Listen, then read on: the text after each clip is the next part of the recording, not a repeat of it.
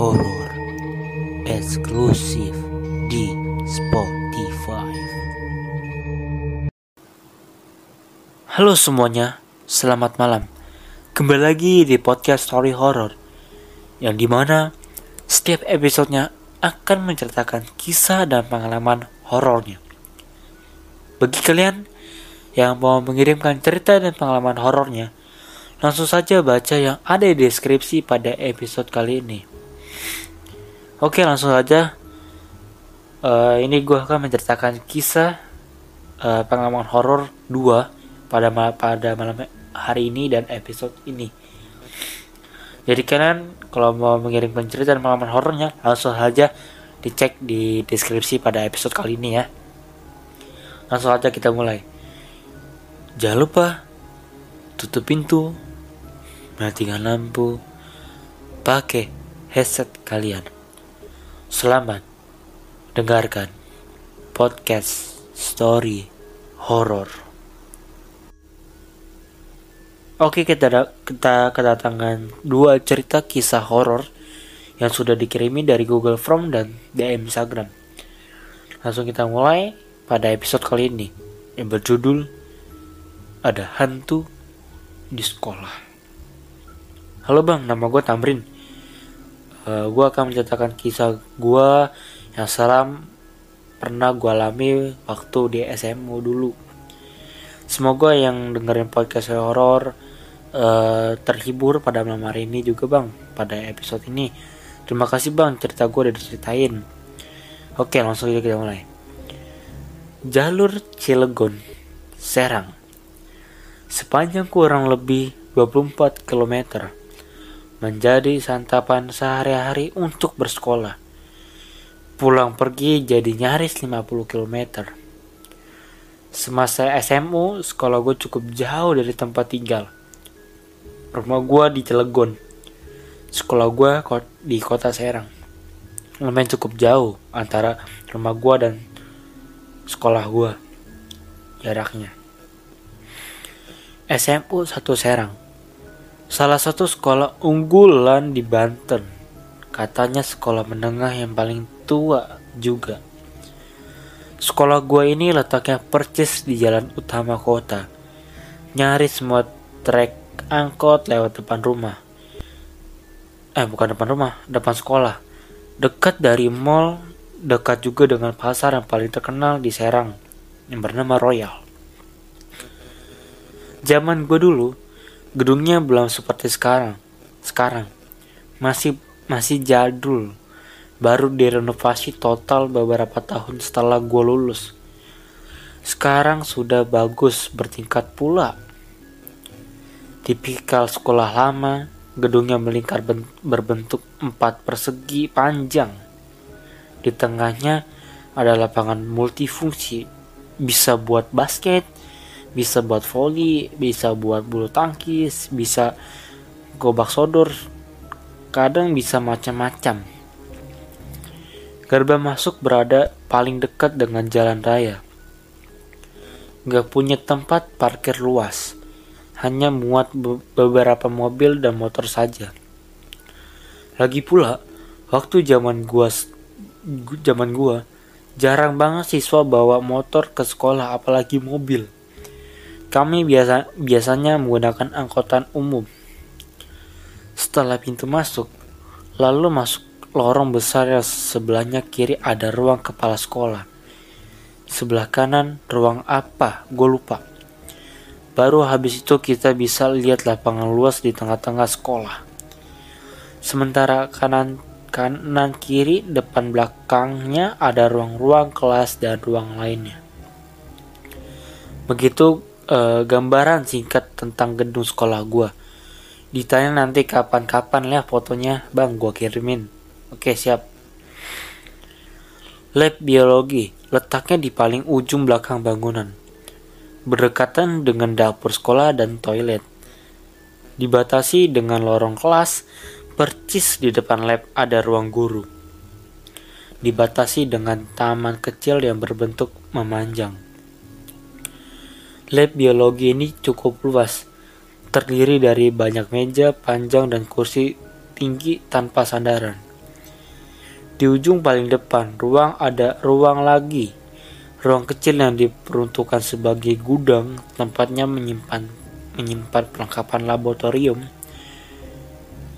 Gue yang nantinya akan masuk ke jurusan sosial tentunya tentu saja hanya bersekepat bersekempatan menggunakan lab ini.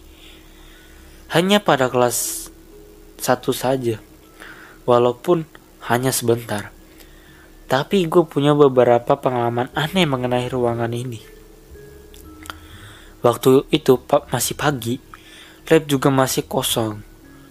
Gue yang nyari setiap hari selalu datang paling awal menjadi orang yang pertama berada dalam ruangan, kebetulan waktu itu pelajaran biologi menjadi pelajaran pertama. Diadakannya di laboratorium pula. Awan yang menylayut yang melayut di langit bertegasan mendung yang sudah terjadi sejak gue masih dalam perjalanan tadi. Hal ini semakin menambah tamaran keadaan karena sinar matahari belum bisa menyinari dengan sempurna. Benar saja, ruangan masih kosong melompong karena masih jam 7 kurang 20 menit. Sementara jam masuk sekolah pukul jam 7.15. Gue langsung masuk ke ruangan untuk menaruh tas di atas meja. Memilih kursi paling depan pojok kiri percis di depan pintu ruangan kecil yang diperuntukkan untuk sebagai gudang tadi.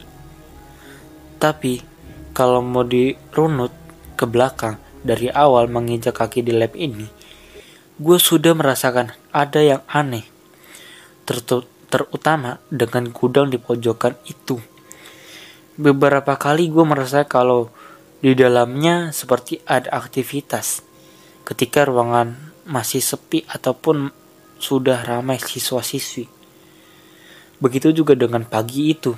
Ketika gue pertama masuk, uh, ketika gue pertama masuk ke ruangan sudah merasakan ada yang aneh. Hal pertama yang gue lakuin, lakukan, lakuin, lakuinnya adalah menyalakan lampu yang sakarnya berada nggak jauh dari pintu masuk. Setelah lampu menyala, barulah ruangan menjadi terang. Tapi tetap masih seperti malam karena di luar cukup gelap akibat mendung tadi. Berjalan ke sudut ruangan untuk menaruh tas. Pada akhirnya, gue harus lewat depan pintu ruang kecil. Saat itu, nggak terjadi apa-apa. Tapi, ketika tas tas sudah berada di atas meja dan posisi gue membelakangi pintu ruangan kecil, gue mendeng mendengar sesuatu. Trak, trak, trak. Kira-kira seperti itu bunyinya. Gue langsung balik badan dan memperhatikan pintunya. Suara, suara apa barusan? Pertanyaan itu yang ada di dalam benak. Kemudian hening. Enggak terdengar apa-apa lagi. Namun gue terus memperhatikan pintu ruangan kecil itu. Beberapa saat lamanya gue masih berdiri diam. Sampai akhirnya bunyi itu muncul lagi. Trak, trak, trak. Seketika itu pula gue merinding. Perasaan tiba-tiba jadi gak enak.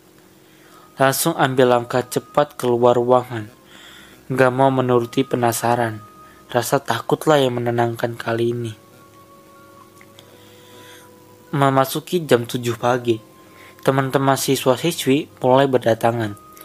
Sekolah berangsur ramai. Trak, trak, trak. Di tengah-tengah pelajaran, suara itu muncul lagi. Awalnya, kembali mengarahkan pandangan ke pintu gudang. Tapi setelah babak beberapa kali bunyi itu terdengar, gue memutuskan untuk mengabaikannya saja. Pardoyo Toyo Pak Dartoyo yang waktu itu sedang mengajar depan kelas seperti nggak mendengar apa-apa. Mungkin bunyi itu terlalu kecil, tapi harusnya beliau mendengarnya juga. Karena jarak meja nggak jauh dari pintu gudang. Terak, terak, terak. Entah untuk keberapa kali suara ini muncul lagi. Gue yang awalnya cuek jadi terkesiap ketika melihat Anuri yang duduk percis di sebelahnya. Seperti mendengar juga suara itu. Dia langsung memperhatikan pintu gudang juga. Lo dengar Nur? Tanya gue pelan. Iya berir, jawab Anuri. Ah syukurlah ternyata gue nggak halu. Suara itu memang benar ada. Suara apa ya itu tadi? Tanya gue lagi. Nggak tahu. Udahlah cuekin aja begitu jawab Anuri. Kegiatan belajar lalu berlanjut. Sesekali suara itu muncul lagi dan lagi. Sampai pelajarannya selesai.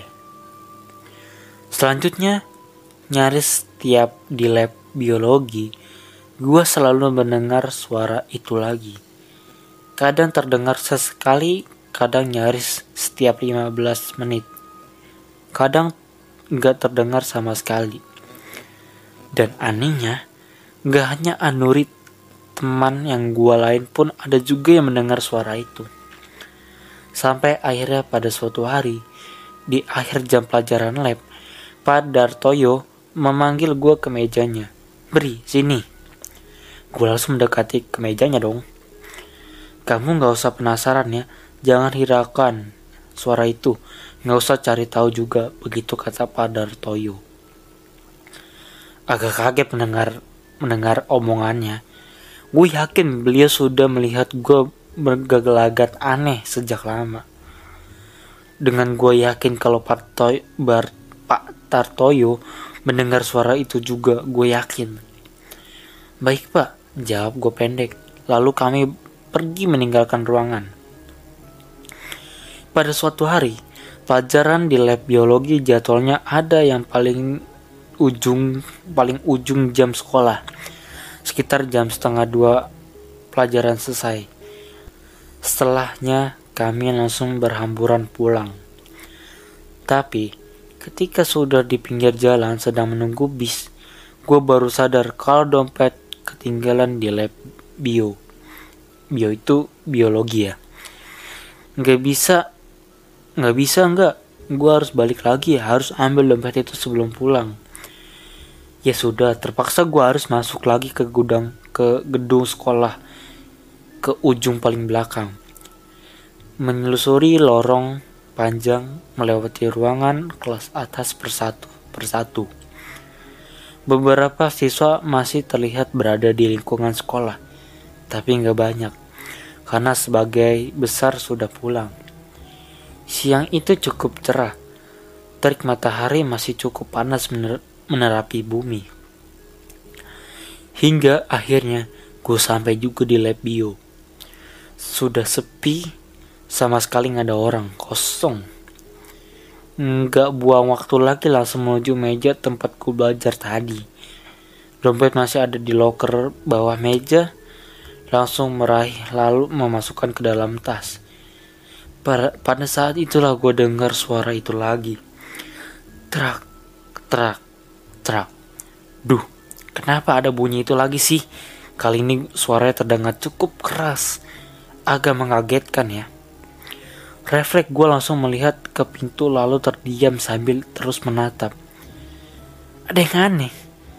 Ada yang beda dari uh, ada yang beda dari biasanya. Ternyata pintu gudang itu sedikit terbuka. Ada celah kecil. Tapi gue tetap gak bisa melihat ke dalamnya penasaran, cemas, takut, bercampuran jadi satu ketika perlahan gue melangkah mendekati pintu gudang itu. Setelah sudah sampai tempat berada di percis depan pintu, gue menarik gagangnya untuk membuka perlahan. Mata masih terus mengarah ke celah pintu yang juga, yang juga perlahan jadi semakin lebar. Dalam keadaan gelap ruangan yang sama sekali nggak ada lampu. Tumpukan kardus yang berdebu adalah benda paling pertama yang, yang kelihatan. Dan gue baru tahu kalau ternyata ruangan ini nggak kecil-kecil amat, cukup luas malah. Semakin berani, gue terus membesar setelah pintu. Membukanya lebar-lebar, benda-benda perlengkapan lab terletak di setiap sudut ruangan. Beberapa di antaranya tertutup, debu yang gak terlalu tebal. Udah pengurapan keluar, terhisap indera penciuman. Gak ada yang aneh, hanya gudang yang berisi barang-barang gak terpakai. Di titik itu gue mulai sedikit lega, karena gak menemukan hal yang menyeramkan. Tapi ke kelegaan kelegaan hanya sebentar karena akhirnya gue mendengar dan melihat sesuatu. Terak, terak, terak. Kedengaran lagi. Kali ini suaranya lebih keras karena pintu dalam keadaan terbuka lebar. Seketika itu juga mata gue mencari sumber suara. Mencari enggak memakan waktu lama karena akhirnya gue tertarik untuk memperlihatkan sesuatu yang bergerak-gerak di sudut belakang ruangan. Warnanya putih, benda itu menggantung. Ujung atasnya mengait pada satu tiang. Tahu bendanya apa itu? Ternyata itu adalah replika kerangka tulang lengkap manusia. Berukuran sama dengan manusia dewasa. Bagian kepalanya menggantung pada tiang penyangga yang berada di belakangnya. Gue yakin kalau suara aneh itu bersumber dari benda ini. Yang cukup menyeramkan terjadi replika rangka manusia itu bergerak berputar perlahan. Yang tadinya membelakangi gue yang sedang berdiri di depan pintu, pelan-pelan semakin berposisi menghadap gue. Sungguh sangat menyeramkan. Tapi gue tetap diam seperti gak bisa bergerak untuk melangkah pergi dari situ. Pandangan gua terus terpaku menatap rangka yang sebentar lagi akan benar-benar menghadap ke gua. Akhirnya kami benar-benar dalam posisi berhadapan dalam jarak yang gak terlalu jauh. Beberapa detik kemudian gua akhirnya bisa bergerak lalu berlari kencang keluar ruangan. Kenapa gua tiba-tiba lari ketakutan? Karena Ketika sudah berhadap-hadapan, walaupun ruangan dalam keadaan gelap, gue masih bisa melihat kalau tiba-tiba rahang tenggorokan itu bergerak. Bergerak naik turun. Membuat giginya bawah beradu dengan gigi atas. Lalu menimbulkan suara yang sudah sejak lama membuat gue penasaran. Trak, trak, trak. Di kelas kedua, kelas 2 gue baru masuk dalam kepengurusan pengurusan OSIS.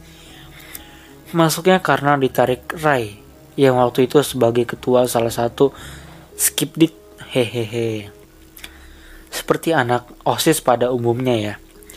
Gue dan teman-teman kadang harus menginap di sekolah kalau sedang mempersiapkan suatu acara atau pensi istilahnya kami lebih memilih untuk tetap menginap di sekolah walaupun banyak teman yang rumahnya nggak jauh dari sekolah. Tapi nantinya biasanya setelah malam semakin larut satu persatu banyak yang lebih memilih pulang ke rumahnya masing-masing. Yang tinggal hanya segiliran saja, ya rumahnya jauh seperti gua ini. Biasanya anggota yang anggota game menginap terdiri dari gua, Ray, Ichaun, Andi, Omes, Dedi, Ahmad, biasanya nggak jauh dari itu aja orangnya. Anak-anaknya yang seru dan lucu-lucu. Pada suatu malam, kami sedang dalam persiapan suatu acara yang akan diadakan esok harinya. Acara tahunan yang biasanya berisi buzzer dan pegelaran musik serta kesenian lainnya. Sama seperti acara-acara sebelumnya, kami mempersiapkan segala sejak jauh hari, memastikan seluruh kegiatan akan berjalan dengan baik dan sesuai rencana sampai ketika satu hari sebelum acara dilaksanakan. Kami kami memutuskan untuk menginap di sekolah malam sebelum acara. Panggung sudah berdiri di lapangan Berbagai pernak-pernik bazar sudah terpasang rapi. Sound check sudah dilakukan. Intinya jam 9 malam nyaris seluruh perangkat acara sudah siap. Kami hanya tinggal bersenada gurau menikmati malam. Duduk beramai-ramai di tengah lapangan. Kami menikmati malam yang sangat indah dan langit cerah yang bertaburan dengan bintang.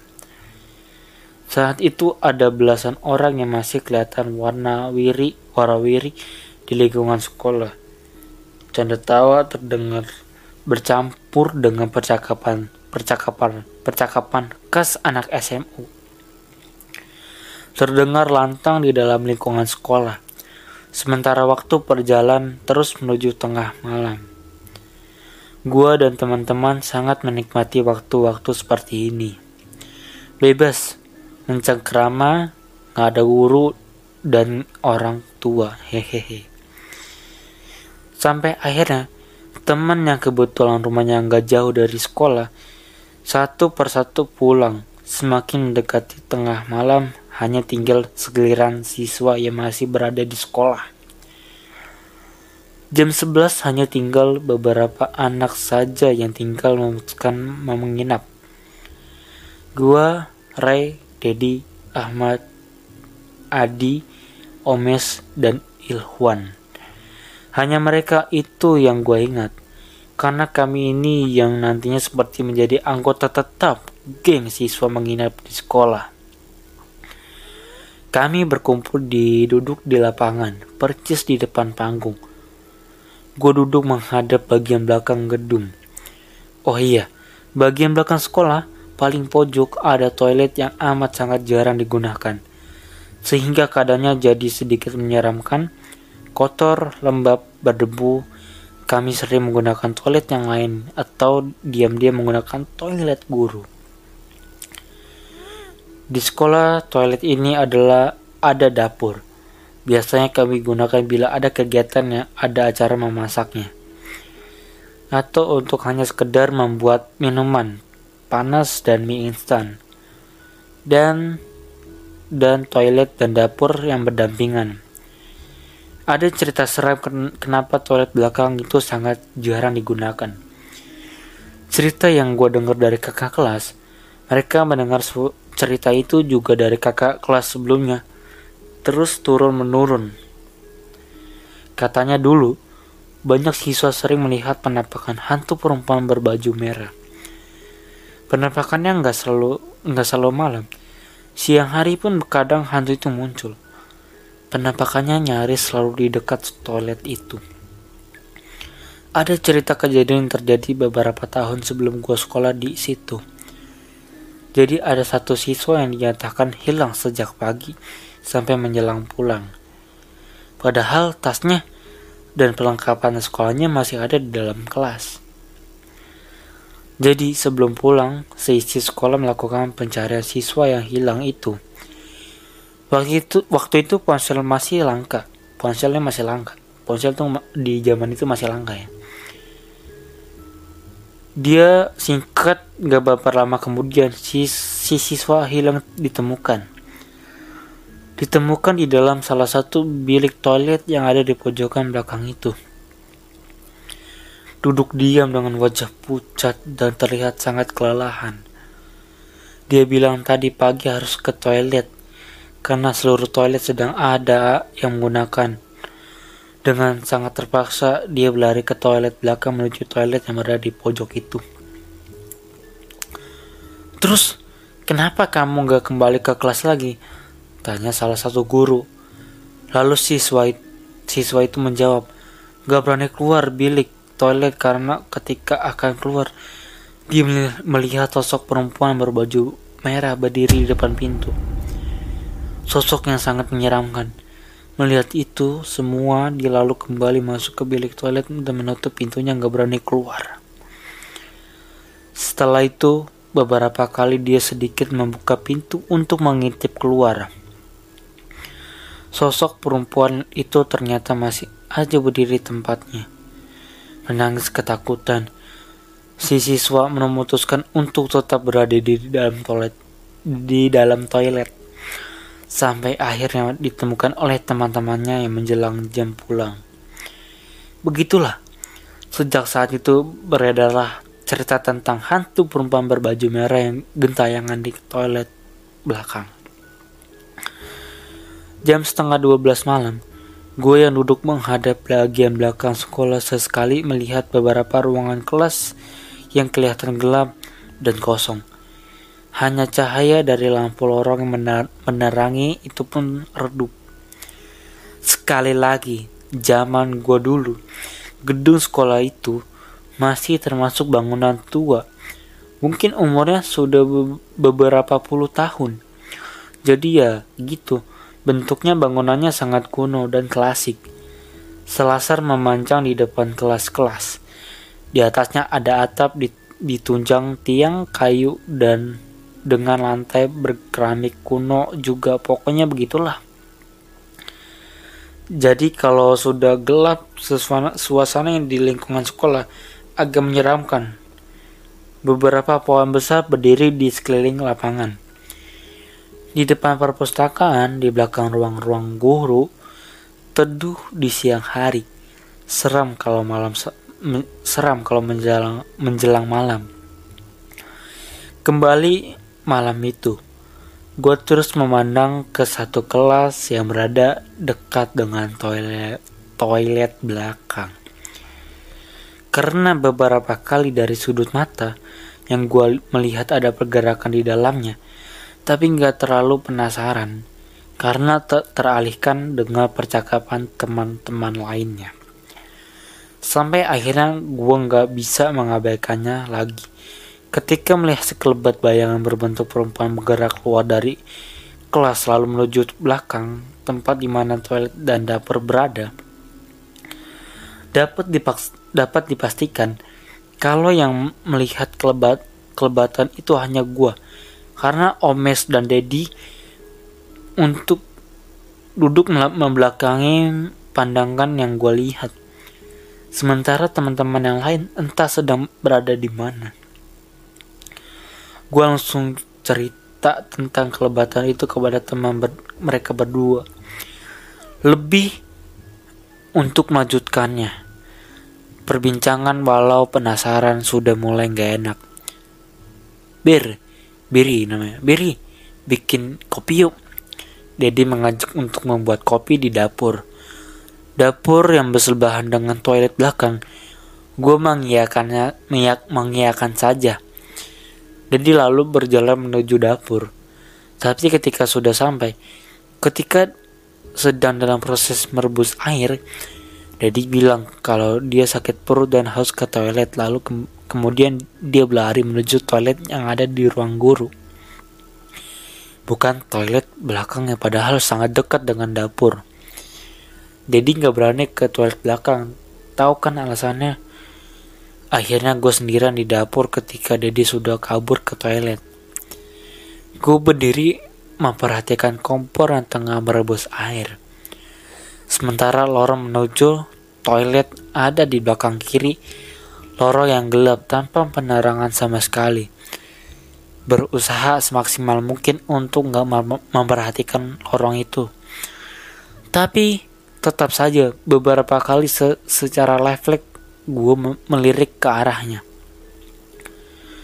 Sampai akhirnya suasana berubah tiba-tiba hawanya gak enak datang menyerusak menyentuh perasaan. Udaranya yang gue hirup mendadak jadi hangat cenderung panas agak sedikit sesak gue bernapas. Jantung seperti berhenti berdetak, berdetak bulu kuduk merinding semuanya. Gue lantas langsung memejamkan mata karena beberapa detik sebelumnya dari sudut mata gue melihat sesuatu. Di lorong toilet ada sosok perempuan yang berbaju merah sedang berdiri diam menghadap gue yang sedang terpaku di depan kompor. Seketika itu pula gue langsung memejamkan mata ketakutan. Nyaris menangis lalu gue memaksakan, memaksakan untuk membuka mata menoleh ke lorong toilet. Perempuan itu masih ada. Masih berdiri diam dengan sebagai wajah tertutup gerai rambut panjangnya.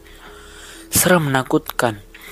Perlahan gue mematikan kompor setelah itu langsung balik badan melari, melarikan diri menuju lapangan di mana sudah ada Omes dan Ikhwan di situ. Kenapa lari gitu bir? Ada apa? Mana kopinya? Banyak tanya dari Omes ketika gue sudah sampai lapangan. Gue lihat hantu baju merah di toilet belakang, jawab gue nyaris berbisik. Ah masa sih bir? Ngahayal kali lo. Ama setan aja takut. Hahaha. Begitu kata Ikhwan. Sepanjang yang gue tahu, Ikhwan adalah anak pemberani. Nggak takut sama hantu dan hal-hal mistis lainnya. Ya udah, kalau nggak percaya, lo aja Gi sama Omes yang lanjut bikin kopi. Sungguh gue sedikit kesal. Di lapangan hanya ada gue. Ikhwan dan Omes sementara anak-anak lainnya berada di dalam ruang OSIS. Gak lama kemudian Dedi datang bergabung di lapangan setelah urusannya dengan toilet selesai. Masih berempat berbincang di lapangan ketika jam sudah lewat tengah malam. Nyaris jam satu. Mes, ke dapur yuk, temenin gue bikin kopi. Ajak Ilwan ke Omes. Akhirnya hati-hati ya, Serem banget, jangan li lihat ke arah toilet, gue bilang begitu dengan mimik serius. Kemudian mereka beranjak menuju dapur. Sementara, gue dan Dedi tetap duduk menunggu di lapangan. Suasana malam semakin larut memang memang menunjukkan gejala perubahan. Langit yang tadinya cerah berangsur mulai berawan. Udara yang tadinya agak dingin mulai terasa gerah. Kami semua merasakan itu. Sampai akhirnya ada kejadian yang benar-benar sungguh menyeramkan. Sekitar setengah jam setelah Hewan dan Omes ke dapur, gue dan Dedi yang tengah berbincang dikagetkan oleh suara laki-laki langkah kaki orang berlarian dari arah belakang ternyata ada yang berlari adalah Ikhwan dan Omes menuju lapangan tempat gua dan Dedi, Dedi berada. Bener Bri, Bri, ada hantu baju merah di toilet. Gua sama Omes ngeliat, begitu kata Ikhwan sambil ngos-ngosan. Sementara Omes hanya diam terpaku dengan wajah pucat ketakutan. Gua belum menjawab omongan Ikhwat sama sekali. Ketika tangan Dedi menunjukkan ke arah ke selasar yang mengarah menuju toilet belakang ke dapur, kami semua langsung melihat ke tempat yang Dedi maksud. Di lorong selasar itu kami melihat sosok perempuan berdiri dalam gelap. Dia memperhatikan kami. Iya kami bukan hanya gua, tapi kami semua melihat sosok itu. Sungguh penampakan yang sangat seram, menyeramkan. Ayo kita ke ruangan, ke ruangan OSIS saja. Omis akhirnya bersuara. Lalu kami bergegas menuju ke ruang OSIS. Letaknya di sisi berlawanan dengan tempat penampakan hantu. Tanpa berani menoleh ke belakang, kami terus berjalan menuju ruang OSIS. Setelah sampai di dalam cerita sudah ada Adi, Ray, dan Ahmad. Dan meng, e, pintu langsung kami tutup dan menguncinya lalu kami ceritakan kejadian yang baru saja terjadi kepada mereka bertiga. Akhirnya kami semua gak keluar ruangan OSIS sampai pagi menjelang. Sekian cerita kali ini, kapan-kapan dilanjut. Jaga kesehatan supaya bisa terus merinding bareng. Salam, Bri. Thank you bang, Bang Aryo uh, sudah menceritakan kisah yang gue ceritain nih dari Google Form. Semoga yang mendengar, mendengarkan podcast surah horor pada malam hari ini diberi sehat selalu, banyak rezekinya, dan panjang umur. Amin, amin. Nanti kapan-kapan gue kirimin cerita horor lagi bang. Oke, siap, siap, siap. Wassalamualaikum. Waalaikumsalam. Oke, thank you banget buat Tamrin yang sudah ngirimin uh, cerita horornya ya thank you banget buat Tamrin uh, yang sudah mengirimkan cerita horornya. Uh, ini sih serem sih. Ini memang terkadang kalau memang buat pengalaman sekolah tuh memang ada. Memang terkadang tuh orang pernah nggak mungkin nggak pernah orang tuh nggak mungkin nggak pernah ngalamin hal itu di sekolah. Pasti orang tuh rata-rata pernah mengalami sesuatu itu. Oke kita lanjut kedua ya cerita kedua yang sudah dikirimin dari DM DM DM dari Instagram at Muhammad Cahyo underscore yang berjudul Mbak Kunti berambut panjang yang dirindukan Cahyo. Halo bang, gue mau mengirimkan cerita gue nih bang, yang gue alami sendiri sih, aliasnya. Tapi uh, ini gak apa-apa bang, ceritain aja. Uh, maaf bang kalau cerita uh, penulis dan penulisannya kurang jelas dan kayak kurang jelas gitu bang. Oke oke siap. Cahyo pria yang baru lulus di tahun 2019 itu digambarkan sebagai remaja yang pantang menyerah untuk menggapai impiannya. Meski tak diterima di jalur SBMTN 2019 mencoba kesempatan kesempatan itu di tahun berikutnya di sorry sorry guys sorry sorry di sela waktu Cahyo selalu belajar dan mencari uang untuk mencukupi kehidupannya. Singkat cerita, Cahyo bekerja di sebuah perusahaan yang terdapat di kota Solo. Dirinya bekerja sebagai staf admin di perusahaan tersebut, namun tak berlangsung lama, yakini hanya sekitar tiga bulanan saja. Pada saat bekerja, Cahyo selalu pulang sekitar setiap jam 11 malam ke atas. Mungkin pulang jam kerja tersebut merupakan hal yang lumrah bagi kebanyakan orang. Pada suatu malam, Say Cahyo terpaksa harus pulang jam setengah dua dini hari. Entah pada malam itu apa yang membuatnya menjadi takut untuk pulang rumah. Pulang ke rumah. Sebab be beberapa kejadian yang dialaminya di kantor pada hari itu sangatlah aneh. Mulai dari mual dan pusing luar biasa pun ia rasakan. Pada saat merasakan mual, ia langsung bergegas ke kamar mandi di lantai satu. Entah apa yang dialami di pikiran Cahyo. Ia seketika langsung mengingat jika hari itu adalah malam Jumat. Malam Jumat memang bagi kebanyakan orang pasti malamnya menyeramkan tapi tidak dengannya. Cahyo justru sangat menyukai malam Jumat. Semenjak kecil, malam Jum semenjak kecil malam Jumat menjadi malam yang baik, malam yang penuh kesenangan bagi Cahyo. Lanjut, pada akhir kamar mandi itu, ia berpikir mengapa malam ini tidak begitu menyenangkan dan terasa ingin pulang ke rumah sangat berat. Bagaimanapun keadaan yang letih, capek, dan pusing itu harus dilewati, harus ia lewati. Hingga akhirnya ia pukul satu dini hari ia memutuskan untuk pulang bersama rekannya. Ia selalu pulang bersama rekannya sampai di pertigaan jalan samping kantor. Malam itu ia pulang paling terakhir dan motornya harus mogok hingga harus di starter lebih dari hingga 10 menitan. Setelah motornya bisa diatasi, dengan kepala pusing Cahyo harus melanjutkan perjalanan dengan dengan perlahan-lahan. Entah Cahyo keadaan sadar atau tidak, sesampainya di jalan X, ia menabrak sebuah mobil dari belakang.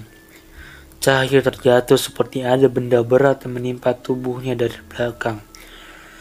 Saat melihat, melihat ke belakang ternyata ada Simba yang mirip Kunti. Kunti yang sedang menatap menatap tajam matanya. Ia tak tahu, tak tahu, tak tahu harus berbuat apa dan hanya bisa terdiam saja. Setelah beberapa detik berpikir, akhirnya ia terbangun dan menghiraukan si Bamba itu. Tidak ada lecet di bagian badannya, cuma ada rasa seperti ada rasa seperti kesleo di bagian jari tang tangannya. Soal mobil itu, ia mengecek hanya ada lecet sedikit saja. dan tidak ada orang pun orang di dalamnya. Apalagi posisi mobil itu berada di samping jalan depan-depan kebun kosong dan tidak ada orang satupun di jalan itu tersebut. Setelah itu ia menoleh ke belakang lagi.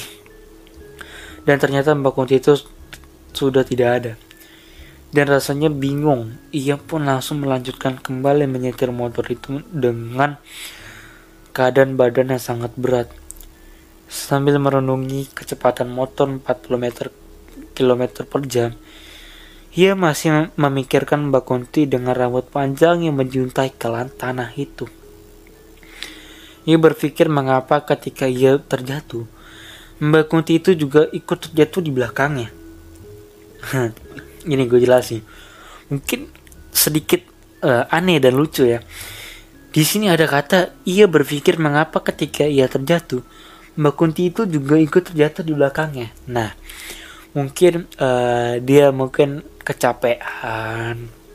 Si Cahyo ini nggak tahu lah ya. Kita oke kita lanjut ya. Kita lanjut.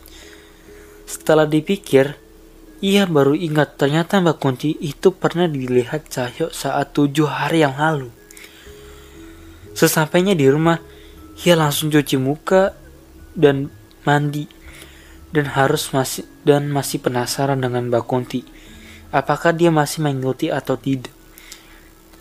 Setelah kejadian itu, beberapa hari kemudian Cayo berinisiatif untuk main bersama pacarnya di Tawamanggu dan mengap, uh, mengapa ia harus melihat Mbak Kunti itu lagi di pinggir jalan. Bahkan di depan rumahnya juga pernah. Apakah Mbak Kunti ini mengikuti Cahyo? Kata Cahyo uh, berpikiran Cahyo gitu loh. Yang jelas setelah kejadian itu ia memutuskan untuk keluar dari kepekerjaannya. Bekerja dengan pulang larut malam adalah hal yang berat. Apalagi jika ada kejadian yang terdu tak terduga di jalanan. Setelah itu, ia harus menganggur terlebih dahulu sebelum dahulu sembari belajar mengikuti SBMT N 2020. Cahyo sudah bertekad akan kuliah di mana saja jika tidak diterima di SBMTN lagi.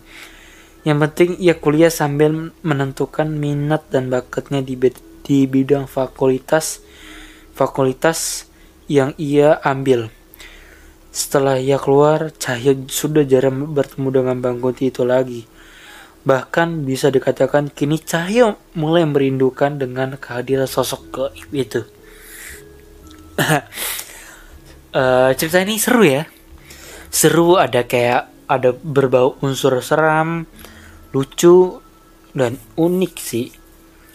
Thank you banget buat Cahyo yang sudah dikirim uh, sudah mengirimkan cerita horornya melalui DM Instagram ya.